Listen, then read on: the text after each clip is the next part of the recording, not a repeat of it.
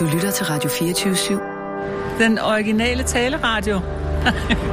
Velkommen til Fede Abes Fyraften med Anders Lund Madsen.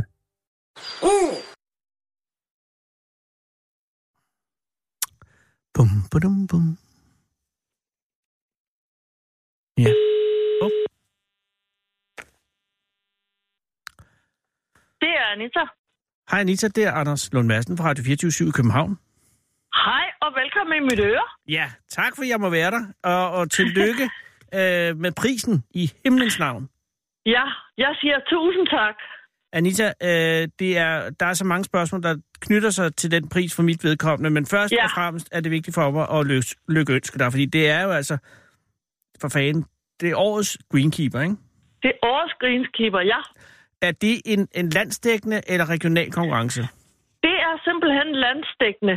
Vi er i brancheforeningen af danske greenkeeper cirka 4, ja, 450, tror jeg, vi er medlemmer. Og til selve den der pris, der var vi 150 til generalforsamling, og det foregår nemlig på en måde, så ingen ved, hvem det er. Ingen ved, hvem det der er? først, nej, Hvordan? det er, det er først, når man får øh, læst en tekst op, man sidder til generalforsamling, så begynder man at sidde og pege på de andre. Nå, kan det være den, kan det være den, kan det være den? Og så til sidst, så falder bomben. Men-. Og så kommer navne. Men, men, Jesus, jamen, hvordan for, altså, hvor, nej, Anissa, hvordan, altså, hvorhen var I? Vi var i, øh, det hedder Rønnes Hotel op ved, altså helt Nordenfjords, op ved Aalborg. Så alle 450 i brancheforeningen af danske greenkeeper var forsamlet, eller var der fra, frafald, eller var, var I mødt frem hele bundet? Alle var inviteret, Alle men var der inviteret. deltog 150. Okay, så alle de 150 kunne potentielt være årets greenkeeper. Ja, det, det er Og- lige nøjagtigt rigtigt. Og var der nogen, altså var der, altså før selve kåringen, var der så nogen form for snakken om, hvem det måtte var, eller var det helt åbent? Altså, det er fuldstændig åbent, for det er ikke noget, man kan ikke blive indstillet. Man kan simpelthen ikke Det blive er, nej, det er simpelthen bestyrelsen i den her brancheforening, der udpeger. Og det er jo sådan, at jeg har jo øh, startet med at tage min uddannelse i 2000 til 2004, Aha. for det tager fire år. Og det vil sige, at jeg har været med fra 2000, så de har kendt mig i 18 år. Men i... Altså, Jesus, nu er der endnu flere spørgsmål. Først, jeg må starte et andet sted. Øh, øh, fire år øh, er en, øh, det er en lang uddannelse. Er alle fire år øh, øh, koncentreret omkring greenkeeping? Det kan man godt sige. Det, det fordeler sig på den måde, at du kan øh, deltage i alle de teoretiske øh, kurser, som foregår Ja. på det tidspunkt i uh, Brogst, fordi at det fandtes ikke på Sjælland dengang. Brogst. Og det, det tager et år. Og øh, der skal man så kunne dokumentere, at man har øhm, tilknytning til en golfbane, hvor man så arbejder i tre år. For hvis ikke du har arbejdet praktisk i tre år på en golfbane, kan du ikke gå op til eksamen. Men, men det er jo masser af pendling. Ja, det var da også for mit vedkommende forstået på den måde, at kurserne, som tager et år, de bliver fordelt med to uger, eller tre uger, eller fire uger. Åh. Så på den måde, så rejser man ikke altså, mere end højst Nej. nødvendigt. Det giver selvfølgelig god mening. Men også Ja. dengang, da du startede op på greenkeeping, var du også bosiddende i Nykøbing Falster på det tidspunkt? Okay, så du er derfra simpelthen? ja. Jamen, Så er jeg fuldstændig rolig. Men, men du, du pendlede altså til Brogs den, øh, tilbage for 18 år siden for at få Ja. din uddannelse som greenkeeper. Havde det det, lå den, eller stod denne uddannelse på skulderen af en anden gartnermæssig uddannelse, eller var du, kom du helt grøn ind, om man så må sige? Altså, jeg kom grøn ind, fordi jeg var faktisk advokatsekretær. Åh, oh. og hvad, hvad, Ja. hvad provokerede skiftet i karriere? Se, det var jo fordi, at øh, jeg tog øh, min øh, læretid på dommerkontoret, så kom jeg som øh, advokatsekretær i cirka fem år, Mm. og så synes jeg pludselig, at det der med de lukkede vinduer Ja. ud til omverdenen, og alle de her damer, ja. det var ikke lige mig. Ja, det var Nå. ligesom en hønsegård. Ah, på dommerkontoret. Ja, ja. Ja, altså, og advokatkontor, det, det var lidt for meget en hønsegård for mig. Ja, Og så øh, sagde jeg simpelthen mit job op, for jeg kunne, ikke, jeg kunne ikke holde ud at være i miljøet. nej, det kan, det kan jeg Og- måske godt forstå. Imens jeg så var ledig, Ja. så kom der sådan et naturplejeforløb, man kunne få lov at deltage i i to år, Ja. hvis man var understøttelsesberettiget. Og jeg var lige nøjagtigt to år understøttelsesberettiget, så jeg tænkte, nu tager jeg springer og ser, om det er noget for mig. Da jeg så i år 2000 var færdig med det Mhm. forløb, så stod der pludselig en greenkeeper-elevstilling klar ude i virke, altså Falster Golfklub. Ah, som ikke er den golfklub, du nu er erhvervet hos? Ja, Ah, okay. så der stak jeg ud til hende og fik lov til at få min uddannelse. Og den havde du så fire år øh, Ja. beskæftiget med at få fuldgjort. Og de fire år gjorde dig til en fuldborgens greenkeeper. Ja, Og, og, øh, og det er jo nu det, der her er blevet kronet med øh, branchens Ja. fineste udmærkelse, årets greenkeeper. Ja, lige nøjagtigt. Selve begivenheden øh, der Nordenfjords, hvor I var Ja. forsamlet 125, øh, hvornår, Ja. lø- hvornår foregik det? Det var i onsdags i uge 46. Og, og øh, du var selvfølgelig deroppe. Havde du nogen som Ja. helst, at du havde, havde du nogen som helst fornemmelse af, at det kunne være dig? Se, det havde jeg faktisk ikke, men det her, det var sådan en, det var en øh, surrealistisk øh, oplevelse, fordi mm. skæbnen ville, Ja. at jeg faktisk var sygemeldt. Nej, hvorfor? nej, nej, frytter. I, så jeg kunne ikke deltage, så jeg, jeg, jeg blev simpelthen beordret derop, at jeg skulle hurtigst muligt komme om onsdagen, selvom de andre var startet om tirsdagen, så det gav virkelig sådan noget, hvad skal man sige, detektivarbejde. For jeg måtte ikke ses. Jeg måtte skjules ind på et øh, værelse derop, og så måtte det først komme frem til generalforsamling, og så måtte jeg ikke sige noget. Så Og det du, var ikke nemt for mig, fordi jeg snakker sgu hele tiden. Ja, og jeg forstår også, fordi når du, altså, du bliver jo jaget op af en sygeseng, gør jeg så ud fra. Lige nøjagtigt. Og, og, og, og, sendt, og det, er der er ikke længere afstand i det her land, end, end den, du bliver sendt på. Og så bliver du parkeret på et, et kontor, og kontor, som du jo historisk har en modvilje mod at være på. Ja. Og, og, og, så, og, så, og så ved du, der må du vide, at du vinder der. Der har jeg simpelthen, altså, fordi jeg sagde, at jeg kunne ikke komme, før jeg var syg, og så blev der sagt i den anden ende, jamen ved du hvad, du er nødt til at fatte, at jeg ringer til dig, fordi det er dig, vi har valgt til at skal være greenkeeper, og så sagde jeg bare, det er løgn. Jeg troede simpelthen ikke på det. Nej, det kan, nej men, men, men, men det, har jo, det har jo været med velberådet hu. Jamen, det var det jo for pokker. Altså, øh, hele den her tale, som nu også er fulgt med øh, i medierne, den øh, er jo fuldstændig... Mm. Mm. Ingen kan være i tvivl om, at det er mig, der Nej. snakker om. Altså, ingen. Og, og, og husker du, hvad sagde de om dig? Jamen, det er jo den her personlighed, der gør, at jeg er så engageret, og at jeg hele tiden har været modstander af pesticid og øh, alle de her ting. Jeg kan huske selv til min eksamen, der stillede de et spørgsmål omkring det her, hvordan man skulle bekæmpe og med nogle midler. Og så sagde jeg bare til dem, ved hvad jeg nægter at svare i den retning, jeg arbejder mig ud af problemet. Mm-hmm. Så jeg har altid været sådan lidt Rasmus modsat, kan man sige. Ja, ja. Øh, men det har altså lønnet sig, fordi jeg har egentlig også haft en tanke selv om, at man kan ikke blive udvalgt, hvis ikke man er chefgreenkeeper, og det hører overhovedet ingen steder hjemme. Netop fordi der er ikke nogen, der kan nominere. De har simpelthen holdt øje med mig, hvis jeg kan sige det sådan. Ja, selvfølgelig. Og så står der også i teksten, at uanset hvad der er af vidensdeling inden for branchen, Ja. så deltager jeg i alt. Og jeg har også nået i mine 18 år at være fem år som regionsleder og fem år som erfagruppeformand. Åh, oh, ja. Det var også første gang, at, at en pige var det, og som ikke var chef. Så jeg er altså god på talens måde, kan man sige det sådan? Ja, og du har bare ja. Valgt en lederstilling fra, fordi du, øh, at, at, at du mere holder af øh, selve arbejdet end det administrative. Lige nøjagtigt, fordi. Ej. du har ret. Alt er så administrativt i dag, og det er slet ikke mig. Nej, og ved du, jeg er så glad for, at du har valgt den vej, fordi det er, Ja, man bliver, tror jeg, et meget, meget ulykkeligt menneske at sidde og holde møder. lige nøjagtigt, det er slet ikke mig. Altså, og jeg har så valgt den gren, der hedder, at øh, hvis vi skal have praktikanter eller jobafklaringspersoner, så er det mig, der går ind og varetager det. Så der ligger også lidt pædagogik ind over. Altså, det er den måde, jeg ser det hele på. Og møder vores kunder, som er golfspillerne, og på den måde, ikke? Ja, og det må også være det, Ja. fordi hvad er det, der gør en god øh, greenkeeper? Altså, nej, jeg skal måske spørge om helt andet. Der sidder faktisk nok lytter derude, blandt andet mig, Ja, øh, som ikke er helt klar over, hvad en greenkeeper øh, laver. ja. Du slår Altså, da jeg- græsset, eller hvad? Ja, vi slår græsset, og vi skal kunne se sygdomme, og vi skal kunne være med til at anlægge, når der skal anlægges nye arealer med græs, hvor der skal være bestemte typer. Altså det er det, der, det, er det, der går ud på i de fire år, ikke også? Ja. Hvor jeg så siger, at jeg har ligesom øh, trukket mig lidt tilbage, så jeg har ikke så meget med gødning at gøre, heller ikke så meget med bekæmpelse at gøre, men jeg, jeg kigger ud over hele anlægget for ligesom at se, kan vi få det hele til at hænge sammen nu? Og det tror jeg egentlig er lidt typisk piger. Det gør de. Altså den store holistiske overblik. Ja, Altså for at se, nøjagtigt. hvordan ser selve golfklubben Ja. ud? Altså hele Ja. alle banerne i forhold til hinanden, eller hvad hedder det, baner? hedder det baner? Ja, vi, vi kalder det hulforløb. Ja, Ja. tak. Hulforløb. Vidunderligt ord allerede der. Øh, øh, så, så, så, men, men som greenkeeper, er du så er du så kvinden, eller manden, øh, i det her tilfælde kvinden, som, øh, som orkestrerer, altså at det 9. hul skal, skal være et langt hul? for eksempel? Øh, nej, sådan kan man ikke sige det. Altså, jeg kommer ind og laver de opgaver, som er øh, forudbestemt, fordi vi arbejder alle sammen efter det, man kalder en masterplan, Aha. eller efter det, man kalder for en plejeplan. Så, Så så der når- har vi helt...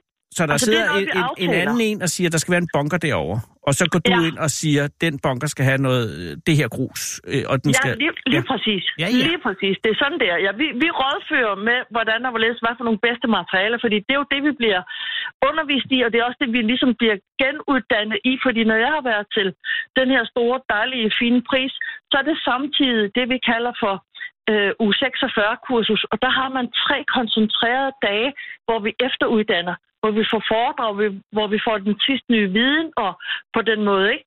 Så, Ja. så det er ret vigtigt, at vi mødes en gang om året, alle sammen for at få det sidste nye. Det er klart, og så er der en vis Ja. form for øh, ensartethed over greenkeeping i Danmark. Det er der nemlig, og så kan du sige det ord ensartethed. Mm. For uanset om du spiller på en bane hernede på Falster, eller du tager til København, Mm. så har vi lært det samme, men ja. der er ikke to baner, der er ens. Og, Og det er det sjovt. Ja, og det kan jeg forestille mig. Det er jo også derfor, hvis man, hvis man er glad for golf, at man øh, så siger, man, jeg kan godt lide den bane, fordi der er Ja. otte hullet bare helt tosset. Ja, Eller lige noget. præcis. Ja. Ja. fordi der, hvor jeg startede, som jeg sagde til dig, ude på Falster Ja. i Virket, Ja. ja. der er det det, vi kalder for en skovbane. Skovbane, og da ja. jeg kommer Ja, da jeg kommer til Nykøbing, så er det en bynær bane, som er åben. Så de griner jo af mig den første uge, fordi jeg kunne frøs, fordi der var jo ingen steder, der var lukket. Nå, for fanden. Nej, Det var klart. jeg jo fuldstændig uforberedt på. Jeg har slet ikke set det komme, så Nej. hold op, hvor har jeg været til grin. Nå, øh, med ja. sådan nogle forskelle der, men det er jo bare det, jeg siger, ved du hvad? Det tager jeg bare ind, og så griner jeg selv af det også. Anissa, den der lærer sidst lærer bedst, og du har jo Ja, lige nøjagtigt. kåret til årets bedste greenkeeper. Ja, Og, og, og det du mener selv, og det der også var i motivationen, er, at det, det, er, dit, det er dit væsen generelt, og så er det din øh, indædte modstand mod øh, pesticider. Jamen det er det. Det er det lige præcis. Og, altså, jeg øh, står ved mine holdninger, og dem, ja. ja. dem kender de, og jeg er hudløs ærlig. Ja, og det tror jeg, er- det, tror jeg er, det er det eneste rigtige. Men det er Ja. så også derfor, du ikke dur som leder, selvfølgelig. Jamen, det er jo lige præcis det, fordi der skal man jo alle de andre ting igennem, og det er også, jeg har jo blevet spurgt tidligere, har jeg lyst til at være leder? Ja. Nej, for så er det, man siger, uh, hvor er der koldt heroppe på toppen, mor. Lad mig hellere blive hernede, hvor jeg kan gøre mig gældende. Hvor er det, det er fuldstændig?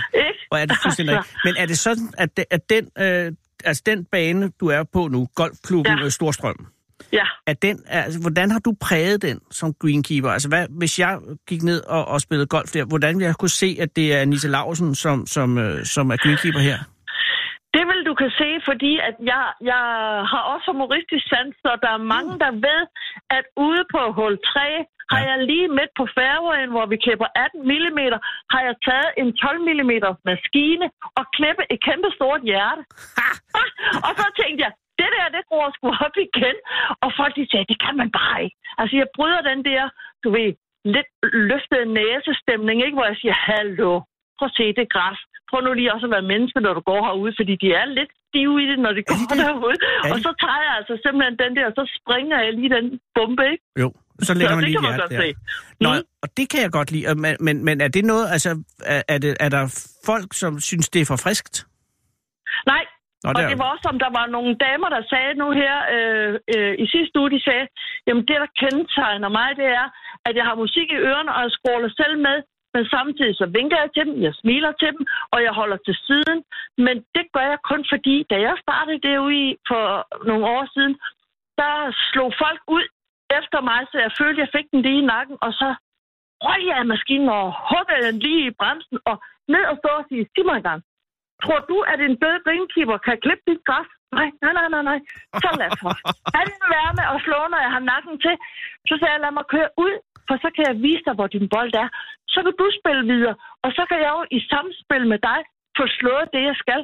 Fordi de leder efter deres bold, og jeg leder efter fyreaften. Men tro mig, hvis jeg kom hjem til chefen og sagde, at jeg ikke havde klippet noget, fordi jeg skulle holde ja. mig væk fra alle dem der, så fik jeg jo aldrig lavet noget, vel? Altså, og, så at, det har de lært. og det glæder mig meget, fordi jeg, jeg jo bange for, at det måske var tid, øh, noget med tidsånden, som er blevet mere forrådet, så øh, at man havde mindre øh, tolerance over for folk, der også skal arbejde. Men det er ikke tilfældet. Det er bare Det er noget med at sætte sine grænser over for, Det når man er jeg. den nye. Man skal altid gøre det med et smil om læben og i en god forståelse. Altså, man går ned og forklarer, hvorfor.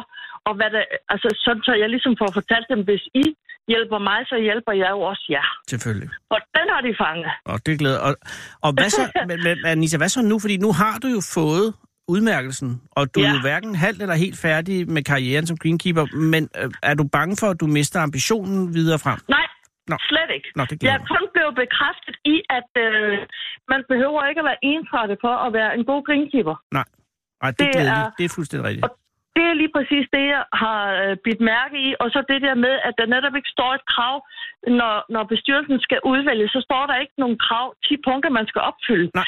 Altså, man skal have sig selv med i det, og hvis det er oprigtigt, så kan de se værdien i det. Ja. Så, så det vil jeg sige, altså hold fast i egen personlighed, fordi det handler ikke om, at man alle sammen kan blande øh, en, en øh, stor tank øh, gødning til at køre ud. Det er slet ikke det, det handler om. Det er en vigtig del, men det handler også om, at vi har nogen, der er i den anden, øh, hvad skal man sige, ende af skalaen, ikke? Lige præcis. Ja. Men har du tænkt dig at, at keep green, greener øh, resten af dit liv, eller kunne du overveje et, et karriereskift øh, senere i tilværelsen? Nej, jeg har i den grad lyst til at bare blive her, hvor jeg er, fordi jeg ånder i det her job. Det gør jeg altså. Ja, men så er det der, du skal være. Det er her, skal være. Jeg har fundet min rette hylde. Ja, hvor er det dejligt. Og hvad, hvad, hvad, hvad, hvad så med næste år, ligesom, til næste år til mødet? Øh, så, så kommer du jo Så som... vælger man så simpelthen en ny, ja. Så kommer der en ny. Og, Ja. og, og der gror ikke en lille bitterhed frem. Nej, Nej. nej, jeg kan kun glæde mig på de andres vegne. Sådan har jeg altid haft det. Altså, jeg, jeg er ikke misundelig. Og det har aldrig været. Nej, Og det- ved du hvad, vi kan prale af i Golfklubben Storstrøm, at vi for nogle år tilbage, der havde vi også årets Student of the Year, det vil sige, øh, vores lærling blev udnævnt og kom med over til St. Andrew Nej. øh, via Toro, og nu står vi så her med årets greenkeeper, så som golfklub er vi bare hammerstolte. Det kan For- jeg sige dig. Får du en, øh, får du en tur til St. Andrews?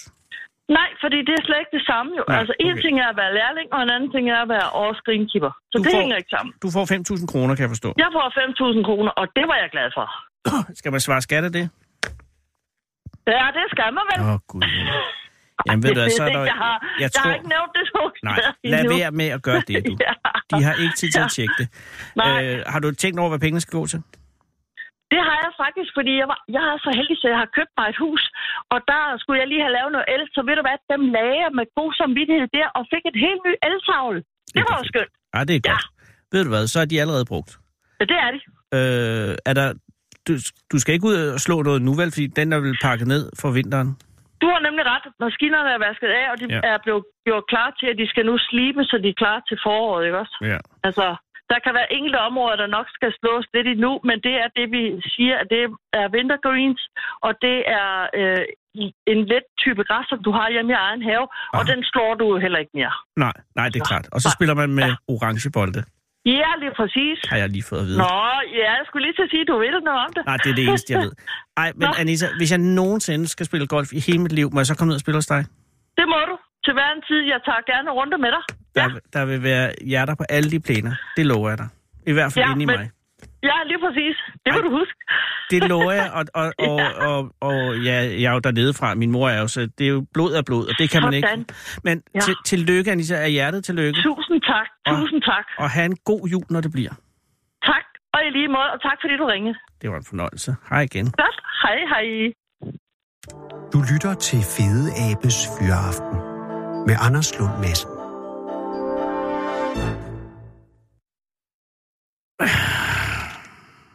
Kære, kære lytter. Du kan godt læne dig tilbage. Det er i dag, den 4. december 2018, og det betyder, at det så er der at dagen, hvor vi alle mindes de faldende fra slaget ved Lund. Ja, der skal nok være folk derude i mørket, som har glemt slaget ved Lund. Sikkert endnu flere, der måske husker slaget ved Lund, dog uden at direkte føle det. For det er så længe siden, visker de til hverandre hen over cafébordene. For det er vand under broen, siger de til hinanden i køerne i brusen. Og herregud, råber de i togstammerne, der tordner hen over Peberholm.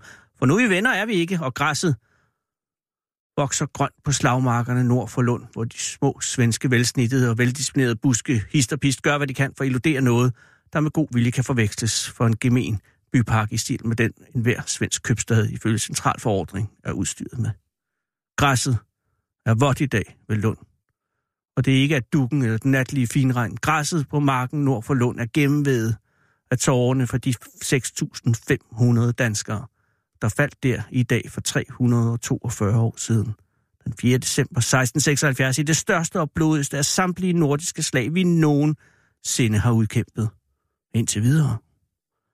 Og jeg er godt klar over, at dette er kendt stof for de fleste, men der er sandsynligvis nye lytter derude, kære lytter. Og så er der alle de stakler, som ikke bestod indfødsretstesten, hvor jeg jo personen fik 40 ud af 40 i øvrigt. Og derfor kommer der her en ganske kort gennemgang af denne fortrædelige dag, hvor vi tabte et slag, der var vundet, bare fordi vi blev ledet af et fjols, og fordi de andre brød reglerne og snød. Tillad mig at citere gutterne fra historie.dk. Den første svenske styrke var sendt afsted allerede ved 22-tiden aftenen forinden, altså den 3. december 1676. 300 rytter krydsede den tilfrosne Kævlingeå ved Lund og konstaterede, at isen ville kunne bære hovedstyrken. Så gennemtravlede de terrænet syd for åen for at uskadeliggøre eventuelle danske vagtposter, men alt var roligt. Den danske her sov intet anende i sin lejr. Natten var stjerneklar og bidende kold, da den svenske kong Karl den 11. kl. 01.30 inspicerede sin hær. Omkring 8.000 mand var klar til kamp. Men efter råd fra sine militære rådgiver gav kongen først ordre til afmarsch en time senere, altså 2.30 om natten, da månen gik ned, og mørket sænkede sig over det snedækkede landskab. Den kommende dag, den 4. december 1676, skulle blive vendepunktet i den skånske krig. Krigen, hvor Danmark endegyldigt ville miste sine landsdele øst for Øresund.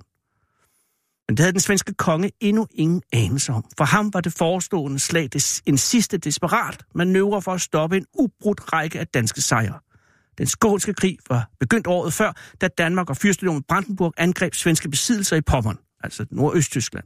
Bagefter erobrede den danske flåde herredømme i Østersøen. Den svenske krigsskibe var spadet inde i den stokholmske skærgård, og nu mente den danske kong Christian 5. det store fjols, at tiden var inde til at tage Skåne, Halland og Blekinge tilbage. I juni 1676 stod en stor dansk invasionsstyrke ud fra København ombord på omkring 500 skibe. Som en aflødningsmanøvre gik en mindre dansk styrke på 2.000 mand, og det er altså en mindre styrke, i land ved Ystad og tog byen i besiddelse den 27. juni, mens de svenske tropper i Skåne hastede mod Ystad.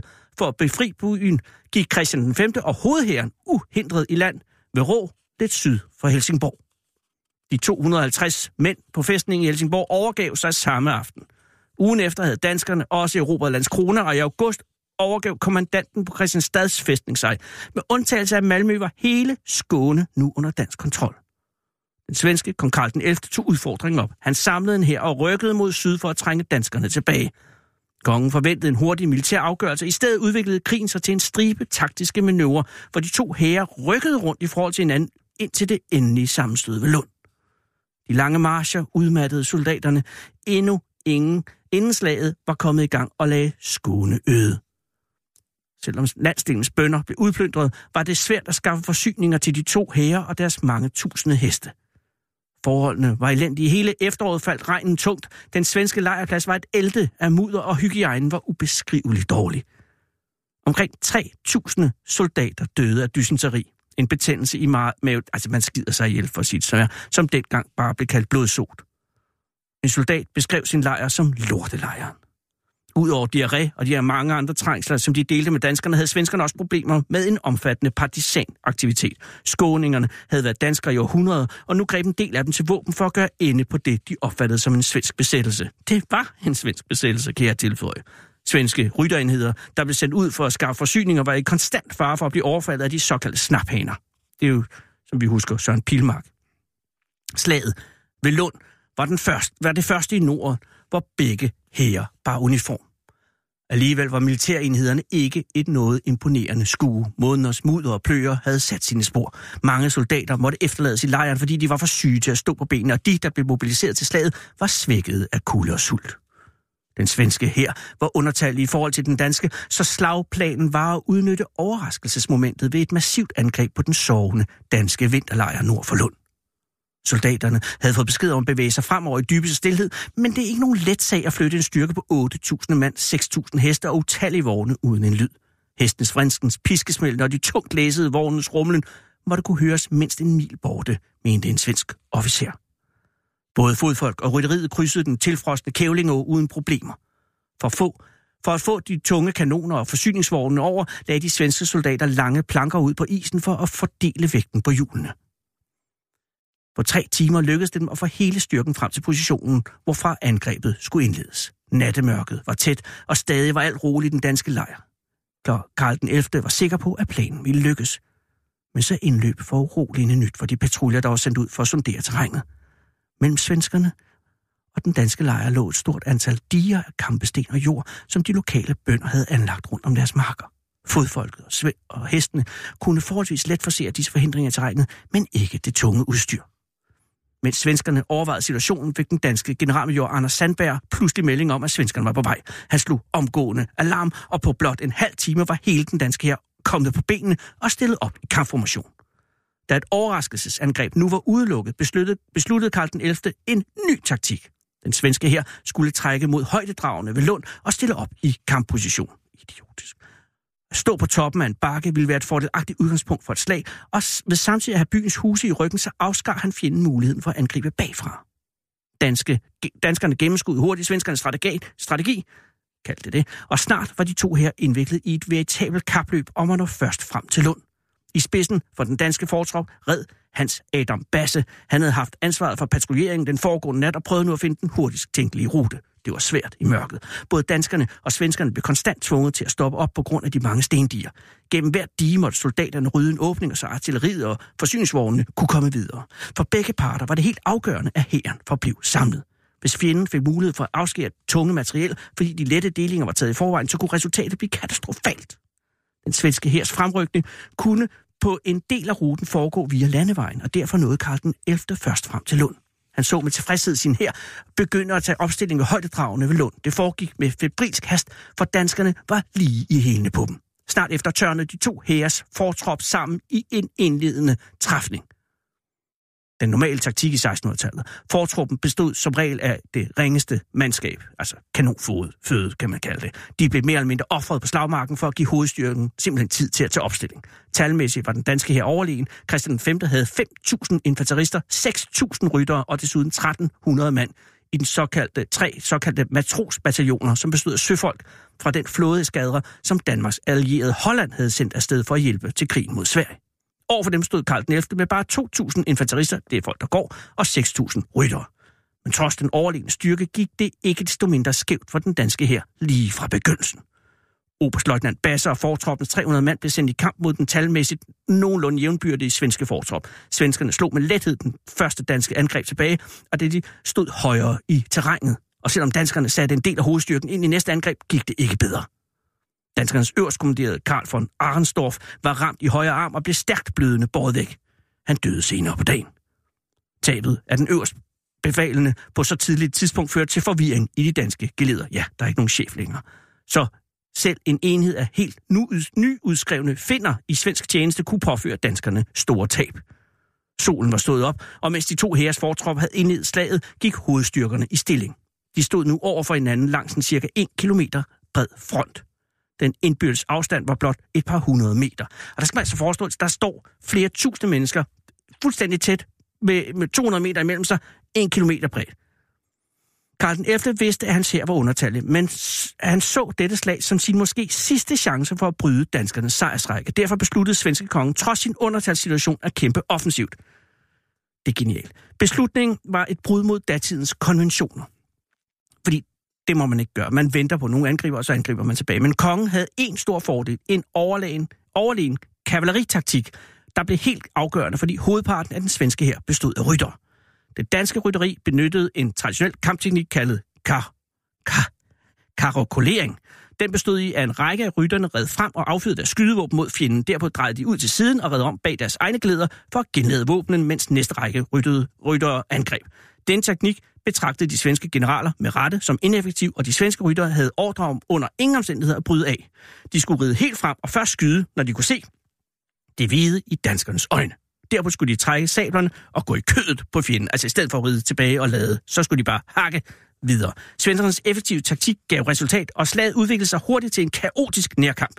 Danskernes venstre flanke, hvor Christian V befandt sig, var aldrig rigtig kommet sig helt oven på fortroppens nederlag i begyndelsen af slaget. Nu ved flanken under svenskernes angreb, og da flere officerer faldt, var de danske enheder snart uden ledelse og tog flugten i panik. Karl den 11. så, at den danske konge var blandt de flygtende, og det er her, det hele falder fra hinanden, og optog forfølgelsen med en større rytterstyrke. Det lykkedes Christian 5. at komme sikkert over Kævlingeåen med en del af sine styrker, men så brast isen pludselig, og mange danskere druknede i åens iskolde vand. Mens Karl den efter overvejede, om han skulle våge at krydse åen et andet sted, så trængte svenske tropper ind i den ubeskyttede danske lejr, hvor de begyndte at plyndre og myrde de efterladte syge soldater. Tilbage på slagmarken kunne det mærkes, at Karl den 11. var reddet bort med et par af de øverste generaler. Svenskerne kæmpede ubeslutsomt, fordi de ikke havde nogen overordnet ledelse, og nu blandede artilleriet sig i slaget. Den svenske her havde otte kanoner, mens danskerne rådede over hele 56. Det er uvist, hvor mange af dem, der nåede at komme i stilling. Men artilleribeskyldningen var under alle omstændigheder dramatisk og kostede svenskerne dyrt. Militærledere på begge sider mente, at en her, der stod ubevægeligt trods svær beskydning, vagte respekt hos modparten. Altså, man skal, man, det er sejt, hvis man får en bombe i hovedet og ikke flytter sig. Øh, kun kujoner søgte dækning, så soldaterne havde strenge ordre om at blive stående, mens kanonkuglerne pløjede sig gennem gelederne. For at dulme frygten indtog de fleste soldater store mængder brændevin. Midt under slaget opstod et bizart intermezzo, hvor en dansk kaptajn udfordrede en svensk til duel. Mens mændene krydsede klinger i Ingemandsland, stillede kampen af omkring den, men da danskeren kort efter faldt død om, rasede slaget videre. Artilleribeskydningen blev efterfulgt af et massivt dansk infanteriangreb, altså løbende folk med forskellige våben. Det vindstille vejr bestød, at den tunge røg for kurs sort krudtet blev hængende over slagmarken. Derfor havde de øverstbefaltende falende vanskeligt ved at bedømme slagets gang. Altså, de kunne simpelthen ikke se, hvad der foregik. Og røgen havde været års, kan være årsagen til, at Friedrich von Arnsdorf, altså den danske øverstbefalende, der stod i spidsen for den danske infanteri, begik en skæbnesvanger fejl. Klokken var blevet 12. Svenskerne led store lab til de danske øh, fodfolk, der var massivt i overtal. Den svenske øverstbefolkning anså slaget for tabt. Han mener, det er tabt. Han kan der endda ordre til taktisk tilbageslå slag tilbagetog og sendte også et par rytter afsted til Malmø for at meddele om svenskernes nederlag ved Lund. I denne situation kunne von Arndorf have gjort det af med resterne af den svenske infanteri ved simpelthen at fortsætte angrebet. Tør! Men i krudtårerne så han intet, og uden at ane, hvor tæt han var på sejr, så lod han sine folk blive stående for at omgruppere. Da Friedrich von Arndorf endelig satte et nyt angreb ind godt en time senere, havde den svenske her ikke så meget kampgejst tilbage. Dens kanoner var på danske hænder. Både officerer og menige havde begivet sig til fods ud af landevejen mod sikkerheden i Malmø, og de øverst kommanderende havde sendt et lille deling ud for at finde Karl den 11., der sad et eller andet sted på bredden af Kævlingeåen og overvejede, om han skulle gå over øh, øh, åen for at fange den danske konge. Så besluttede han sig for at vende tilbage til Lund, hvor resten af den svenske her kæmpede mod den danske overmagt. Venstre flanke brød totalt sammen, og slaget udviklede sig til en nedslagning. Altså nu er vi ved at vinde.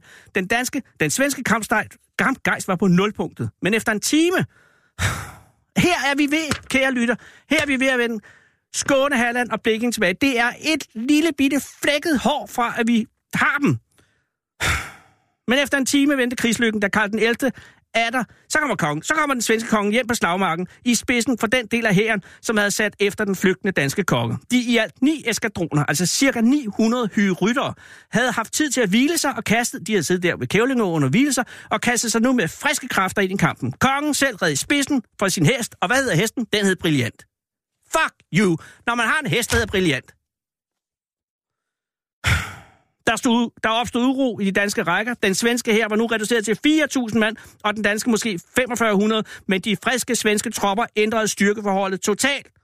Danskerne var på randen af den totale udmattelse. De havde skidt i fire uger, og nu styrdykkede kampmoralen. Karl den 11. iværksatte en, en knivtangsmanøvre. Og havde hurtigt omringet den danske her. Begge den danske hærs flanker gik i opløsning, da danskerne tog flugten. Og på det centrale frontafsnit kom kampen nu til at afhænge af de tre matrosbataljoner, der bestod af hollandske søfolk uden træning i krig på landjorden. Det svenske kavaleri havde let spil. Som alle andre på slagmarken havde de fået rigeligt med brændevin i løbet af syv timer lange slag. Spritten drev de svenske ryttere ud i en sand massakre. Af de 1300 matroser overlevede kun 60. Nedslagningen stansede først, da den svenske feltmarskal Helmfeldt gav alle danske soldater, der opgav kampen, lov til at slippe bort. Da nattemørket sænkede sig, lå tusinder døde og døende tilbage på slagmarken. Beregninger viser, at et sted mellem 6.000 og 6.500 danskere og 2.500 og 3.000 svenskere faldt den dag. Det svarer til at ca. 42 procent, lige under halvdelen af alle de deltagende soldater, omkom ved det blodigste slag i Nordens historie. Dertil kommer de mange tusind sårede, som stort set måtte klare sig selv. En samtidig kilde fortæller, at 1979 sårede svenskere nåede frast til, fransk til Malmø, mens et lignende antal sårede danskere kæmpede sig vej til landets kroner. De, som ikke kunne gå, blev liggende på slagmarken og døde i den bidende frost. Håbet om at vinde Skåne tilbage var bristet, da, Karl, da Christian V efter den tabte krig vendte hjem til Kronborg i Helsingør, lå han vinduerne mod Øresund blinde. Han ønskede ikke at miste sin appetit ved at se det tabte land på den anden side af vandet. Således gutterne fra historie.dk. Det er 342 år siden i dag. Jeg siger det bare. Men drømmen om det tabte land dør aldrig. Ej mere tiden, da jeg må væk. Jeg hører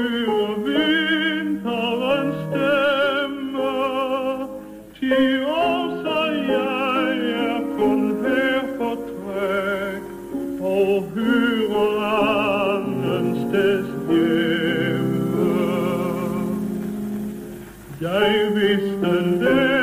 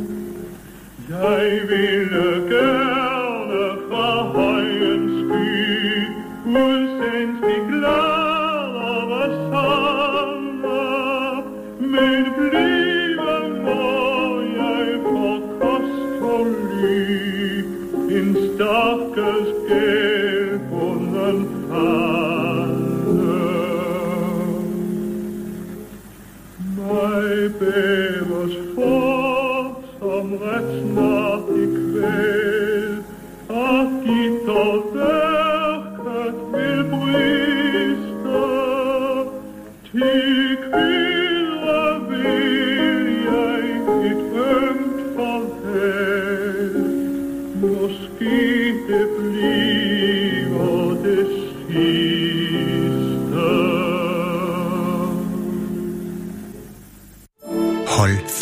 Fyraften med Fede Abe. Her på Radio 24 i Fede Abes Fyraften. 27, nej, 24-7 af den originale taleradio. Det er den 4. december, vi er i København. Jeg er i København, det ved jeg jo ikke, hvor du er, kære lytter. Det er jo en landsdækkende radio. Men Sarah Huey øh, har været nede på gaden og fundet manden på gaden, som er to mænd på gaden. Og jeg har fået at vide, det er øh, engelsktalende. Hello. Hello. Hey, and thank you very much for your patience, sir and sir. Thank you. No problem. What is your name? Calvin. Calvin, and what is your name? I'm Vince. Vincent Calvin. Yes. Thank you for coming. Yes, welcome. Uh, I, no, I- I'm really grateful because you could be doing anything else right now, and I guess you had plans. You have plans. Why? Why? Uh, why, why are you here, well, So we're Calvin? Yeah, we're from um, we're studying together. Oh. So we were just on the way home, and Also, you're studying in Copenhagen. yeah, I'm just here for my study abroad. Ah, what? What? What are you start studying? Uh, we're studying marketing management. Oh, yeah. So we were just about to go to this place, and you know, I know. some- we had plans, but I mean, she just came up to us, and we was she uh, polite? Was Yeah, she? yeah, Uh, was definitely, she? yes. Yeah. Okay. Good. And and uh, where are you from originally? I'm from Germany. Uh, uh, Vince. where and I'm from the Philippines. So you have nothing to do with each other apart from that you're studying the same. Yes. And have you become friends, or are you Yeah. just Yeah. study mates? Too close, actually. Being friends. You can never be too close. yeah, because you have to part. Yeah. I guess. When is it over? When are you going back? Uh, I'm going back at the end of January after our exams. Or what yeah, I'm you? doing the full time study, so I have to be here for three years. And how come you go from uh, uh, Philippines into Yes. Copenhagen? Well, I was here for high school because my mom got moved here, oh, cool. and I decided to stay because it was such a nice place. so why did she come here to work? Yes. Ah, and uh, and uh, and then you were in high. So you were like uh, 15 years old. Uh, no, I was 18 when. Oh. I, yes. So you were in the late. Uh, yes, I yeah. was in the late high schools. Yeah. So and where in the Philippines uh, do you live? Where Um, did you live? Well, Makati is close Oh. to Manila, but yeah. So you're uh, uh, yeah. So you're in like a suburban kind of environment. Yes. Kind, yes. Yeah, and uh, the Philippines, it's it's a strange place right now. It is right. Yeah, definitely. But was it strange when you left? No, it, you left well, I was a right? kid. Yeah, I was a kid back How then. old are you now? I was 10 years old when I left Philippines. Oh, okay, now I get it. But it, yeah, I do kind of know that it is a strange place. And and are you? It must. I mean, with the the new president, uh, new with Yeah. the president. Yeah, the- yeah, yeah. It, is it something that worries you, or is it uh, part of well, the for me, not really because my mom hasn't exposed us to that kind of things. Ah, Because okay. my mom don't want to go back because of that. But yeah, I knew I do know what he does. It's not moral. no, it's it's strange, but it's the modern kind of politics. It's, In I many places now, I it's don't get that same in- kind of politics. you Neither know? do I. but they do it in Brazil now also, Yeah, yeah, I've heard that too. but not in Germany. No. Calvin, you are a rock of uh, stability in the world, or Germany is. Most of the time. Yeah, most of the time. Yeah, but right now. Yeah. Uh, uh, uh, but you're going home in January, so Yes. so you're just here for a brief visit. Yeah. Basically, for I think in total it was nearly five, bit more than five months. Oh, has it been nice? Yeah, can't complain. The prices are a bit high here in Copenhagen in comparison to Germany, but despite that, It is. And how do you do a thing like uh, finding a place to live? I got really lucky. Uh, I had a friend, Ah. and I just asked him where I can. He lives here, and I asked him where I can stay. Can I stay with you? No, it wasn't actually the direct Oh. question, but he was like, "Yeah, I just bought a new place, and you can stay with me, so you're welcome." So you and what what did you do then? Yeah, not so good. You'll- Not so lucky. But you have your mother. yes, but Yeah. it took me six months to find a place because I I left Copenhagen Oh, for why? a year. Why did you do that? I went to India because Why? well, my my mom moved there again. ah, okay. Yes. What's she working? What's she she works doing? in the UN. Ah, that's Yeah, that's why she has to move a lot. And uh, how is India compared to Philippines and here? I mean, India is really fucked up, but in a in a in a funny way. I don't know. I've never been there. Well, yeah, I mean, for us, for me, it's not it's not really weird to see that kind of things anymore because I came from the Philippines. It's mostly like third world countries, you know. Yeah, but I still I think that Philippines was uh, Yeah, different from India. It is completely different, Well, but compared to, I'm not uh, used to that kind of thing. Where in I'm India not did you go? Um, in India? Yeah. In the New Delhi. Ah, okay. So that's the kind of the rich part, right? No, it's the most completely packed place Oh. because it's the capital. So, I thought, where uh, everyone is. So Mumbai is the cool place. well, Mumbai is really good. Yeah. Compared to Delhi. So Yes. Delhi is the. Mm. Hmm. At least for me, yeah. So you were there in, your, in a year, and then you yes, came back. and here. then I came back here. Then I mean, Denmark must be really. S- uh, well, not Clean. Must, yeah, clean, but also really, really boring. No, it is, I mean, for me, it's a paradise here from where I come from. So, like you know, there's there's not many things to do here, but the No. things that you can do, you can't really do in my place. You know, What, you like can't what? walk at night drunk as hell. You know, like can't just do that. what would happen if you do that in Philippines? I mean- Somebody would shoot you. Pe- no, people will something like people will see that as a threat. You know, like because you're gonna do something stupid, Ah, okay. and you know they they'd like to take advantage of those kind of people. Because there's not this uh, general uh, tranquility and uh, not a safety. general like that, but general safety. You Yeah. know, it's not safe for anybody. But I mean, it's not. I don't know. I'm not talking in experience, but I think it's mostly like this. You're free here. You're more free here to do things. Yeah, I think that's right. Mm. But still, it's it's a high price to pay because you Mm. get a, very very uh, uh, a kind of society that where you know everything that happens. There's no uh, surprises. There's Yeah. no adventure. It's just business as usual. Yes. it's sure it's not New Delhi. but Calvin, where are you from in Germany? From Düsseldorf? Ah, then you know. Yeah, it's not that far away from No, this here. that could be. It could be here. But uh, when you go back, uh, could you ever consider moving uh, to Denmark, or is this just been a? a I thi- maybe later when I earn more money. yeah, because Yeah. I think in, in general it's like it all at the end it's always feels a bit like I don't want to pay 50 to 60 kronas for a coffee no, or a beer, no, it's crazy. especially not a beer. No, but it could be worse. It could be Norway or Sweden. They're even worse. I know, but, Yeah. but I mean in general and for the winter actually the weather is even worse than in Germany. I didn't expect that, but No, it's a shitty weather. This is like the worst weather that exists. It's cold and wet. But that must be something that pisses you off, Vince. the weather. I'm gonna disagree again. You are? No, it's because in my place, Yeah. it's completely summer all year long. So hot, so humid. You know, at least a change is nice. You Yeah, know of I mean? course, yeah. But yeah, this is really horrible. It is. Like I wake up pitch black Yeah. and I sleep pitch black. Yeah. Like, it's not. There's nothing changing No. anymore, man. I- I- it's it's like you could you could uh, hibernate. yeah, exactly. You should actually. And the thing is, I work. I like I work at night, like Uh-huh. in shifts. Like when I work in the bar, it's Yeah. like the night shifts. So it completely reminds me of work. It's like when I wake up, it feels like I have to go back to work again. God, Uh, what, what what what bar do you work at? the Jane. That is. It's uh, in Norport. Ah okay. Like yeah, it's close to the Round Tower. It's a really nice place. The Jane. The Jane. Have you visited the Jane? I Calvin? did. You have. Yeah. And uh, do you concur? Yeah, I would agree. It's Ah. a nice place. Oh, that, then there will be a place uh, to visit. Definitely. And what do you work? What do you do? I work as bartender as well here. Ah, of course, but not at the Jane, No, I work at Luso. which is a shitty bar. No, it's a, oh, a Yeah. good bar. It It's is? a good bar. Yeah. Oh, okay. Yes, yeah. So, and have you uh, uh, now you're here as, as singles? But I get, have you have you met a, a girl here in uh, Denmark? Yeah, I have, but like we, You- that's done. But like you know, So yeah, but but uh, you you would stay here.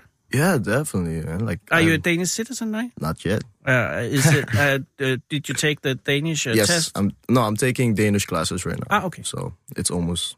And and what do you have to do in mm-hmm. order to become a citizen? I think I have to stay here for seven years. Yeah. And then And do not do and then do the wrong. exam and do absolutely I nothing mean, wrong. not even. But that's not that's not hard for me. no, because you're a law-abiding citizen. yes, law-abiding citizen, man. But, you yeah, can do something just by accident, and it will be like illegal. You didn't know. Yeah, you know. But I- seven years, that's a hard seven part. years, and then you do the exams, Yeah. and then hopefully pass. and then you're a, a, a Dane Yes. as well as a Philippine. And if not, uh, would you uh, consider moving back to Philippines? Not for a long time. Uh, I I've been exposed to this kind of you know Mm. environment. I want to stay in like this kind of places more. Than. Yeah. But So, what you had ten years in the Philippines, so Yes. must something that there must be something better in the Philippines than here. family Yeah, always. And So- and uh, uh, do you go back for them sometimes? Yes. Okay. And when we do, it's it's a complete hammer time, man. and and the the situation politically in the Philippines is is that so fucked up as I imagine it is, or is it like Well, uh, no, business as usual? I don't just, think you. If you go to the Philippines, uh, you wouldn't see it Ah, okay. that way. But it, because it really the the numbers you get uh, is is tremendous about people getting shot and uh, it's. I mean, they call our president like the Trump of Asia or something. yeah, like we have the Chi- Trump of South America and the Trump of Asia, and the Trump of North America. But but it'll not last. Sometimes Hopefully. uh, Unless he declares martial law. you know what martial law is? I do, I Yeah. do, yeah. Unless he does that, then yeah, it's gonna be for a long time. How long time has he been there? Just I think two two years Yeah. so far. It's like that. It's just been that short, you know. Yeah. Usually it's six years for a president in Philippines. Oh boy. oh boy. And Merkel is uh, stepping down. Yeah, she will step down. So you're gonna get the other woman. Maybe It's not sure yet, No, but actually, right now, I think she's she's not doing everything right, but she's the best choice we have right now. yeah. But will you think it's gonna change a lot of things when she when Merkel stops? It really depends on the next years what will happen because right now there's so many different parties that try to like change everything Yeah. and But I mean, Germany is like uh, it's like I said. I think that uh, we consider Merkel and Germany as the the bedrock of, uh, of Europe right now, and everything else is just yeah it's like Crazy. of course we have a few issues but in general and you compare it to other areas in Europe it's definitely better in, right now it's stable. And Yeah. now she she's going, and now it's not going to be stable anymore. Or maybe really depending on who's gonna gets chosen next Calvin, you have to go back and uh, make it uh, safe. Yeah Make I'm gonna be the next miracle. again. Vince is no, you don't have to be the ne- next miracle. Just uh, make uh, your country uh, like great again Yeah, Make it great again. I mean, I, Vince he has given up for the Philippines. That's it. Uh, but you're gonna enrich uh, our country, and thank you for that. I really well, yeah, you're gonna get your edu- education. Yeah, yeah, Yeah. of course. I think I, I believe in you, Vince, and Thank and, you, and and and Calvin. Uh, I believe in you too. That's and thank you. What are you gonna do now? Right now, here today, uh, you're going. Where were you on your way to? we will go to my place now and have a glass of wine and later we meet with other guys for dinner but it's like Tuesday. yeah that's you can still drink a glass of wine yeah, well, okay, as long as it's only a glass. might be two but but it's a Tuesday, Calvin, and you have to study tomorrow. yeah but just at 12:30 tomorrow What? hmm Oh, you are. Oh, you lucky you. Twelve thirty tomorrow. Yes. Uh, and when is the holiday? I think our holiday starts at the 22nd. No, no, it starts on the 18th when class finishes. Yeah, but then we still have the Okay, Yeah. yeah, yeah. we Oh. still have a little thing to finish before the. Uh, hej vilddyr, som man siger i Danmark. Oh my God, what a lot of work.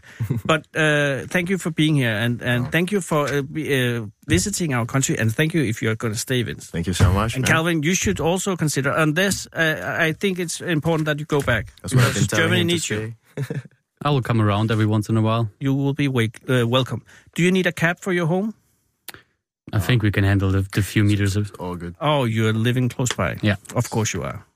Well, thank you for coming here and have a good uh, life, both of you. You too, Thank man. you. Thank, you very Have much. a good day. Bye. I will do a skiller now.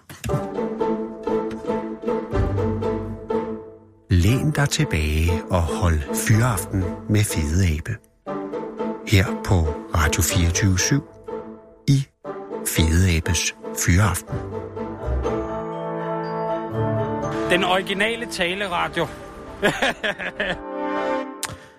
Ja, og jeg sagde, I will do a skiller now. Det er jo selvfølgelig engelsk, og øh, betyder, at jeg vil lave en breaker nu. Hvis man skal oversætte det. Og det var det, jeg lavede. Og det er den, den mærkelige, hvor det lyder som om, at Michael Bertelsen er- på helium. Det er jo øh, en lidt... Øh, altså, for mange mennesker i hvert fald en lidt trist dag. Jeg kan sige, jeg har jo købt et hus i Sverige, det første matrikel oven på Halland, fordi øh, jeg anser det for en borgerpligt at købe det land tilbage, matrikel for matrikel. Og jeg anser ikke Halland, Blekinge og Skåne for svensk. Øh, det fremgår også af det, jeg lige har fortalt, at det på alle mulige måder ikke burde have været tilfældet. Men lad det nu ligge. Vi slutter af med et mindeord. På mandagsklubbens vegne skriver Grete Bøjsen, Kystvej 14 Åben Rå. Mindeord over Margrethe Madsen, Petersborg i Åben Rå. Det er med sorg, øh, vi har erfaret, at Margrethe A. Madsen er gået bort. Margrethe har været omsorgsleder i Kom- Kommune. Da hun gik på pension, fortsatte hun med sit arbejde, men nu som frivillig. Hun var en alt for energisk og livsglad person til at sidde stille og nyde tilværelsen. Hun kunne se, at der var mange enige, der trængte til at komme ud for at møde andre i samme situation. Så hun startede mandagsklubben Virke i Kirsberghaven. Der blev spillet kort, syet, strikket og produceret mange ting til juleudstillingen, som var årets højdepunkt. Der blev suppe til cirka 100 personer, og mange så hen til den dag. Margrethe havde hele tiden nye idéer til, hvordan vi frivillige kunne producere ting til salg. Pengene gik til udflugter. Den bedste udflugt var dog til Margrethes sommerhus, hvor alle havde en dejlig dag med god mad og muntert samvær. Hun oprettede også datastuen, hvor der kom mange, mange pensionister, der gerne ville lære at bruge en computer. For fire år siden fik Margrethe konstateret cancer. Hun har taget det med fatning. Hun var altid i god øh, humør, når man besøgte hende. Hun klagede aldrig, men affandt sig med det. Vi var altid mindes Margrethe som en ildsjæl, der aldrig manglede frivillige til at gøre indsats til gavn og glæde for mange. Æret være Margrethes minde. Og æret være de faldende ved slaget ved Lund. Klokken er 17.